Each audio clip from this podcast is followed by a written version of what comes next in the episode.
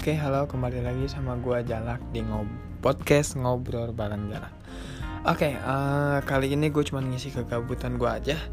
Gue juga bingung apa yang gue mau bahas tentang hari ini. Cuman gue mau bahas tentang karir gue. Ya, cerita deh, cerita deh, cerita tentang eh, karir gue dari 0 sampai saat ini tuh kayak gimana gitu. Sebenarnya gue lagi nunggu enak aja buat mandi nih habis renang ya. Eh, jadi karir gue ini dimulai ketika berawal dari hobi. Ya hobi gue dulu itu namanya bikin ulah hobinya. Dari yang ya ulah cowok tuh ya nggak jauh-jauh pasti berantem lah. Dari situ gue kayak ngerasa apa ya kalau gue berantem terus tapi nggak dapat reward gitu kayak cuma-cuma gitu loh jadi gue pada SD itu mengikuti eskul pencak silat ya.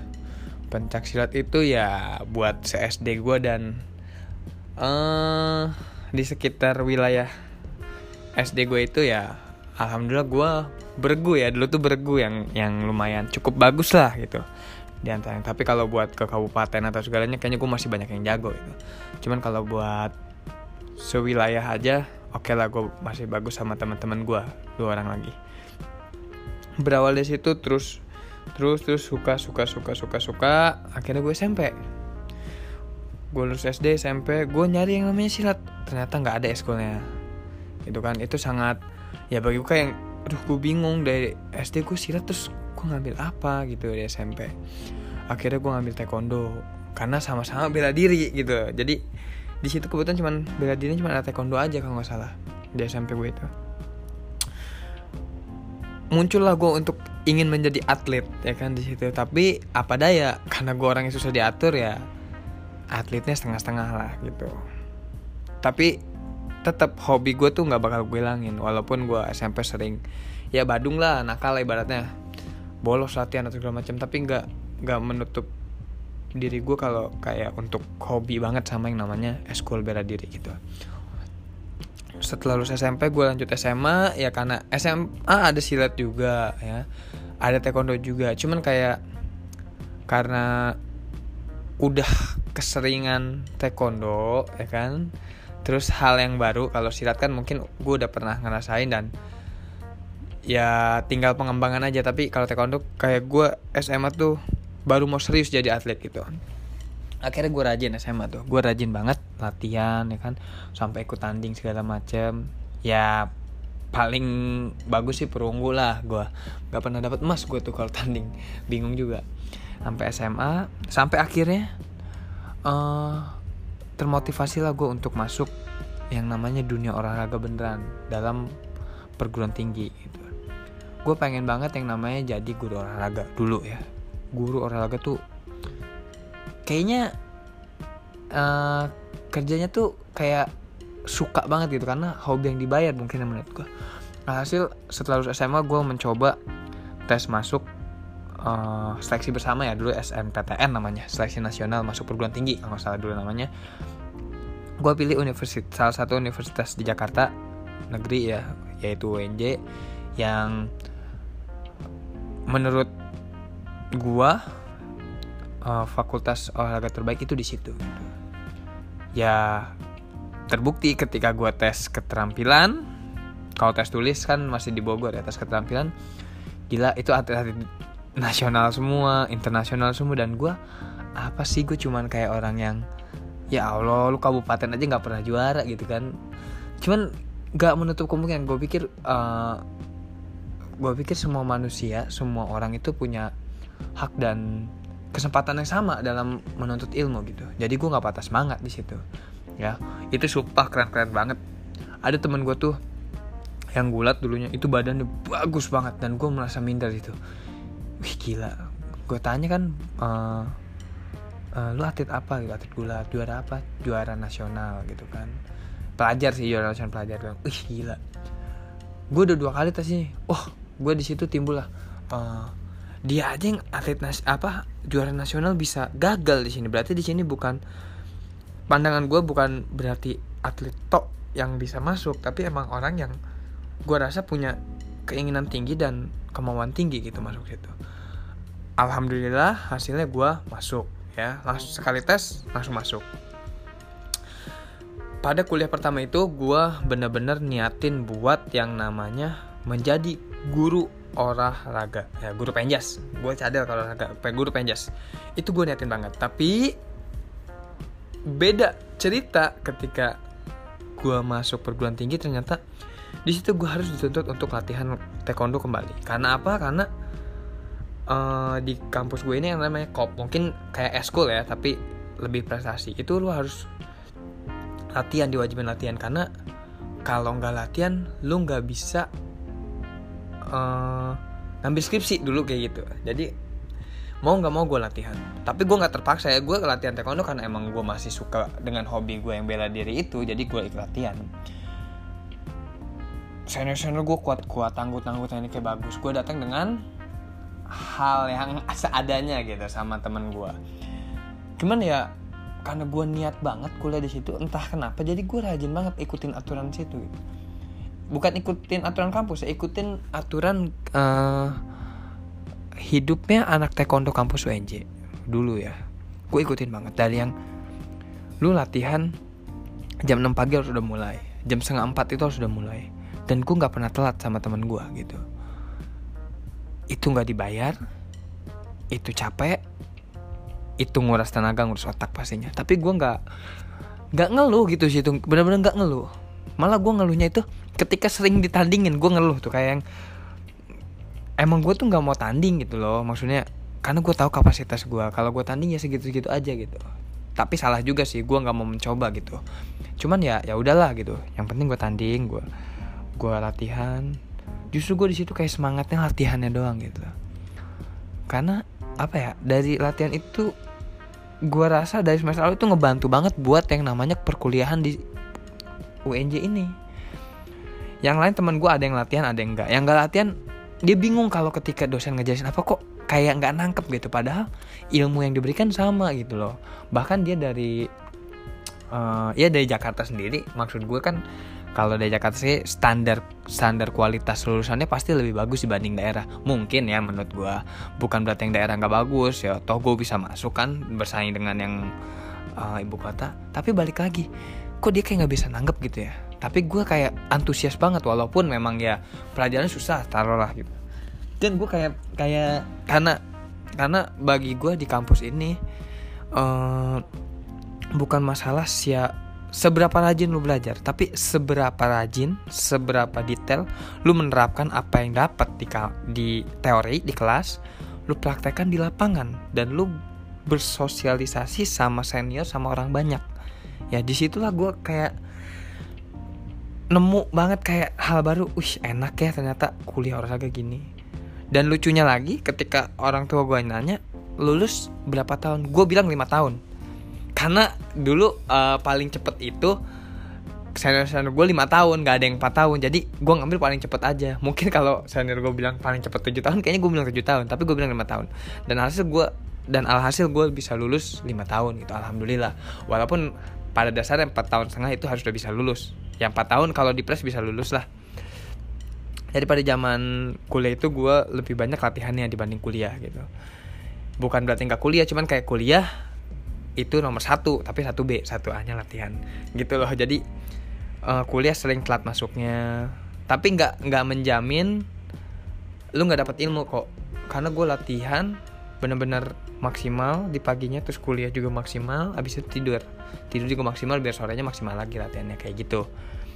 Uh, ya balik lagi jangan ditiru juga sih gitu. Kuliah tetap harus nomor satu A bukan satu B. Tapi bagi gue kuliah itu satu B. Karena satu A itu latihan. Karena kalau lu kuliah di olahraga kayaknya kalau teori aja itu kurang kurang make sure gitu kurang pas gitu. Lu harus barengin dengan prakteknya gitu nah gue lebih suka praktek dibanding teori. Karena kalau teori lu udah capek terus otak lu harus mikir lagi gitu. Tapi kalau praktek dalam keadaan capek otak lu mikir dikit juga kalau memang tubuh lu bisa menerima cepat motoriknya bagus itu akan lebih cepat gitu loh hasilnya. Alhasil gue lebih sering banyak latihan di situ kan. Dan setelah gue lulus sebelum lulus sebelum lulus semester semester terakhir gue menentukan off untuk jadi atlet kampus. Dan gue mau belajar ngebantu yang namanya jadi pelatih. Basic gue bukan pelatih karena gue fakult eh fakultas prodi pendidikan jasmani. Guru. Ya. Kenapa gue pengen jadi pelatih? Karena ketika gue ya sebutlah magang ya atau PPL itu gue jadi guru, guru olahraga dan wow berat banget. Berat dan jenuh menurut gue walaupun itu mulia banget pekerjaannya menurut gue jenuhnya itu gue dari jam 7 pagi sampai jam siang tuh jam 2 atau jam 3 gitu. Gue cuma ngajar dua kelas dan sisanya tuh gue diem aja bahkan bisa tidur gitu loh. Gue kayak yang ih ya enak sih kerja gitu cuman kayak yang hmm, gue di sela-sela itu bisa ngelakuin hal gitu loh. Apa ya? Cuman kalau di sekolah kan lu nggak bisa ya nggak bisa semena-mena karena aturan sekolah kan punya aturan punya rules yang harus lo taati gitu kan. Cobalah gue lihat senior gue ngelatih ngelatihnya kayak gimana. Dan itu sama sih jam ya mungkin lebih pagi kayak dia jam 6 udah ngelatih jam 7 udah selesai gitu. Tapi di balik itu dia bisa latihan bisa ngelatih yang lain lagi. Dan gue lebih kayak suka suka lo gaya hidupnya kayak gitu. Ke mana-mana karena gue masih banyak butuh ilmu gitu loh. Jadi gue harus banyak cari. Mungkin kalau untuk jadi PI guru olahraga kayaknya cukup sih di kampus aja gitu. Paling nanti menyesuaikan di lapangan ketika lo kerja gitu kan. Entah di international school atau sekolah nasional biasa. Itu lo menimba ilmunya itu tinggal penerapan aja gimana sistem di sana menurut gue ya. Tapi kalau pelatih itu kayaknya banyak banget update-nya dan yang mungkin bukan yang mungkin sih yang pasti gue nggak dapet di kampus gue dapetnya di lapangan sama orang yang berbeda sama isi kepala otak yang berbeda. Jadi gue tertarik itu. Makanya gue uh, resign jadi atlet dan gue mencoba untuk mendalami profesi pelatih. Balik lagi gue sangat rajin dan loyalitas karena itu udah jadi bagian hobi gue gue ngelatih taekwondo WNJ gue nggak pernah dibayar dan gak mau dibayar bukan gak mau dibayar ya. Dalam arti apa yang taekwondo UNJ kasih gue harus membayar dengan cara gue mm, mengabdi kepada taekwondo UNJ pada saat itu. Jadi gue nggak peduli ya kalau orang bilang wah lu nggak dibayar rajin banget. Bodoh amat. Gue nggak dibayar tapi ilmu dari taekwondo UNJ ilmu dari kampus ini itu berarti banget buat gue di masa depan. Gue berpikiran seperti itu dulu ya.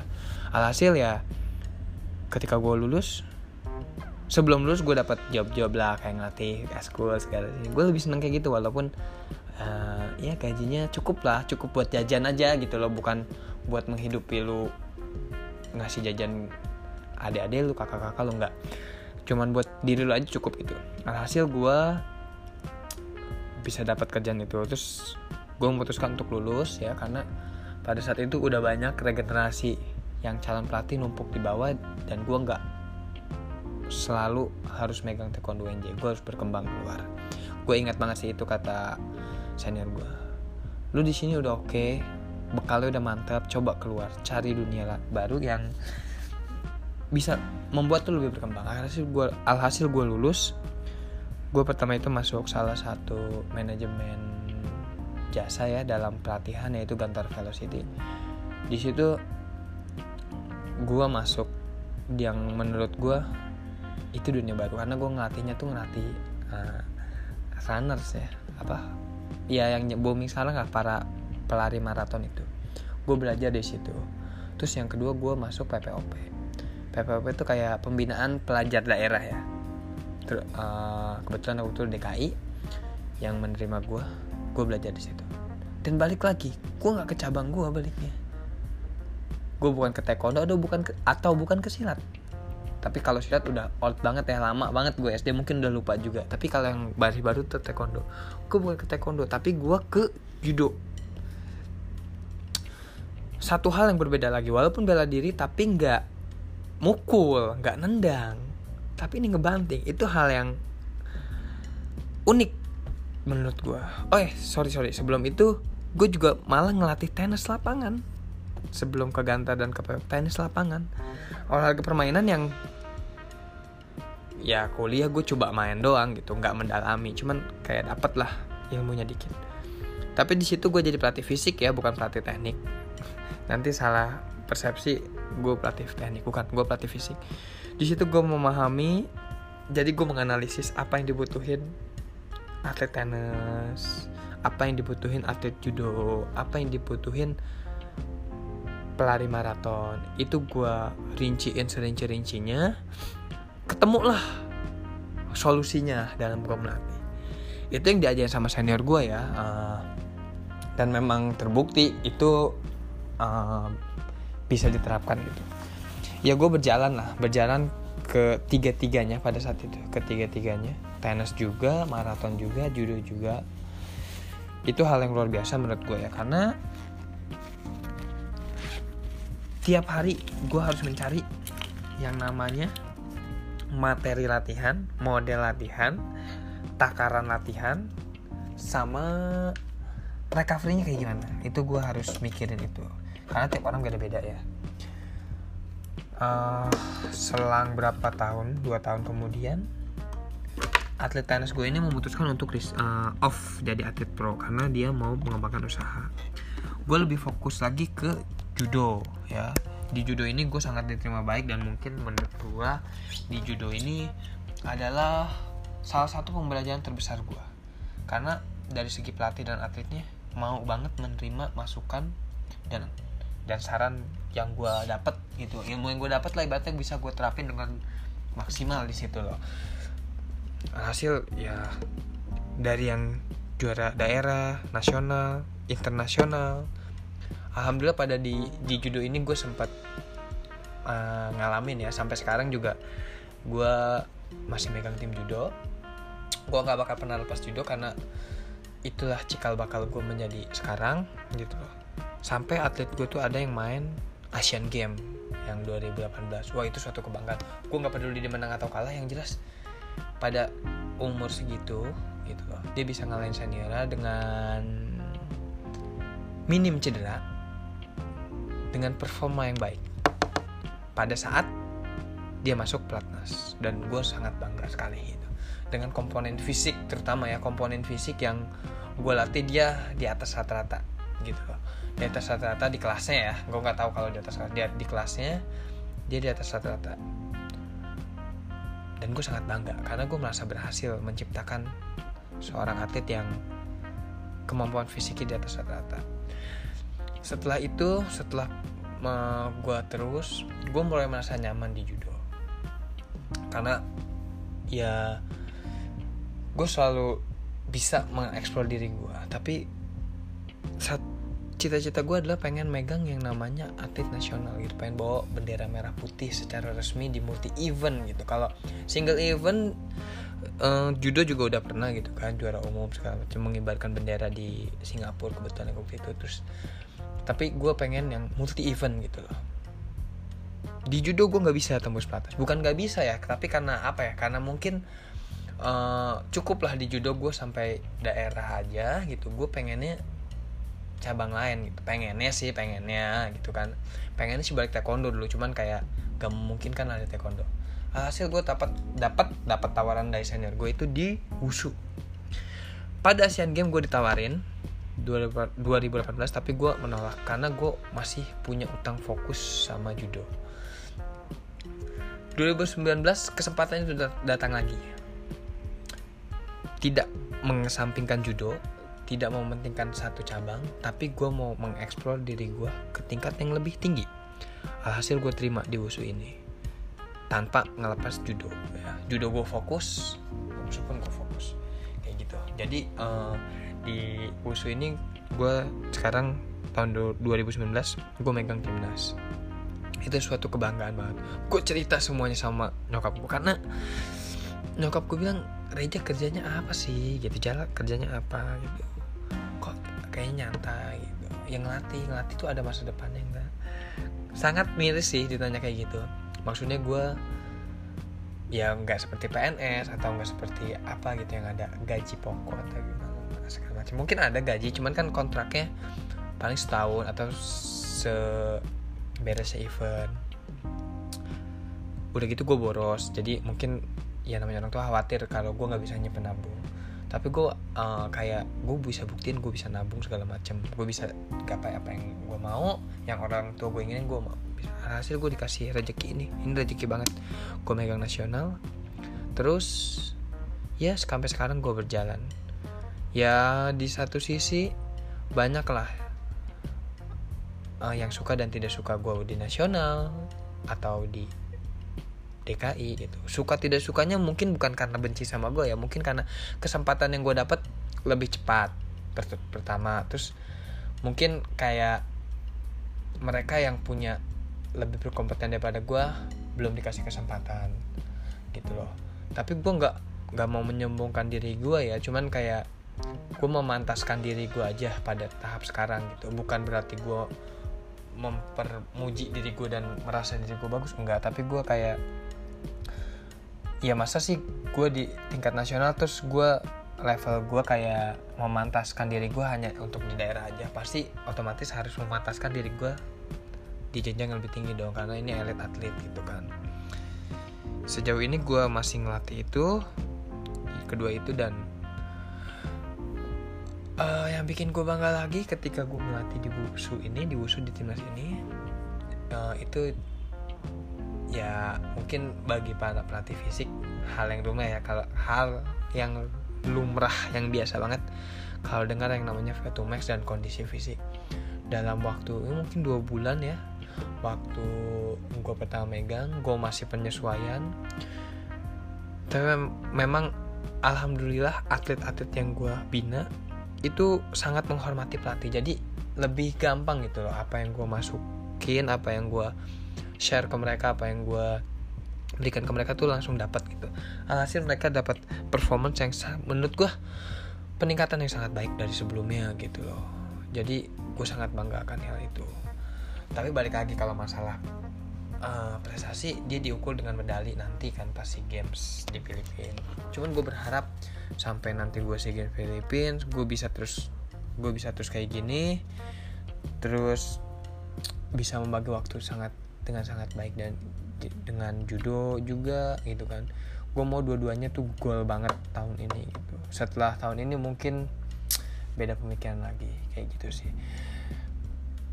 Kenapa gue cerita kayak gini? Karena banyak orang yang mungkin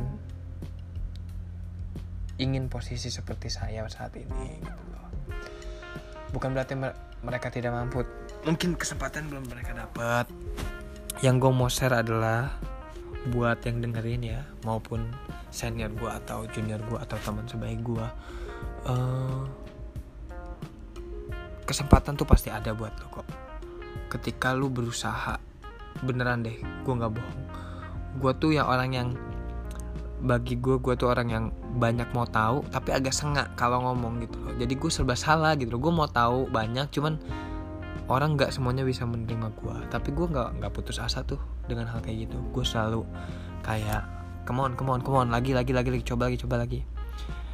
Walaupun gue orangnya panikan parnoan terus kayak jiperan gitu tapi gue harus coba itu. Dan alhasil sekarang lah gue metiknya itu loh mungkin ke depannya gue bakal bisa metik lagi. Tapi gue harus nanam lagi. Bukan berarti gue sekarang ada di puncak nasional puncak orang yang pengen banyak. Tapi gue harus leha-leha. Tapi nggak gue harus mencari lagi. Dan gue harus lebih mendengarkan orang yang di bawah gue maksudnya kayak yang masih kuliah ya. Karena akan banyak hal temuan baru yang mungkin gue lupa di kuliah. Dan diingatkan lagi kembali sama mereka makanya gue nggak pernah bosen-bosen namanya ngajak belajar junior belajar bareng gitu. Apalagi sama senior gitu kan. Karena ilmunya harus gue serap gitu loh. Buat lu pokoknya yang mau jadi atlet kayak mau jadi pelatih mau jadi guru pokoknya termasuk jadi PNS gue yakin kesempatan buat lu semua itu ada. Tinggal gimana cara lu melakukan proses itu dengan sangat baik gitu loh kalau hasil itu urusan Tuhan sama perbuatan kita kayak gimana tapi kalau proses itu murni perbuatan kita dan yang nilai ya Tuhan. Kalau Tuhan nilai proses kita bagus niat kita baik proses kita baik pasti dikasih hasil yang baik. Nggak mungkin Tuhan ngeliat proses kita baik dikasih yang buruk. Mungkin kalau lu dikasih yang tidak sesuai juga berarti lu harus bisa sebenarnya mau dikasih lebih gitu cuman kayak tar dulu gue kasih dulu segini. Kalau lo bisa segini gue bakal kasih lebih. Kayak gitu sih. Jadi buat lo semua jangan patah semangat yang masih kuliah yang masih meniti karir. Entah mau jadi apa entah di bidang lu olahraga atau bukan. Yang jelas kesempatan selalu terbuka buat lo ketika lo mau menjalani proses itu dengan baik. Oke cukup dari gue kali ini karena gue udah gerah gatel mau mandi. Sampai jumpa lagi di episode berikutnya. Bye you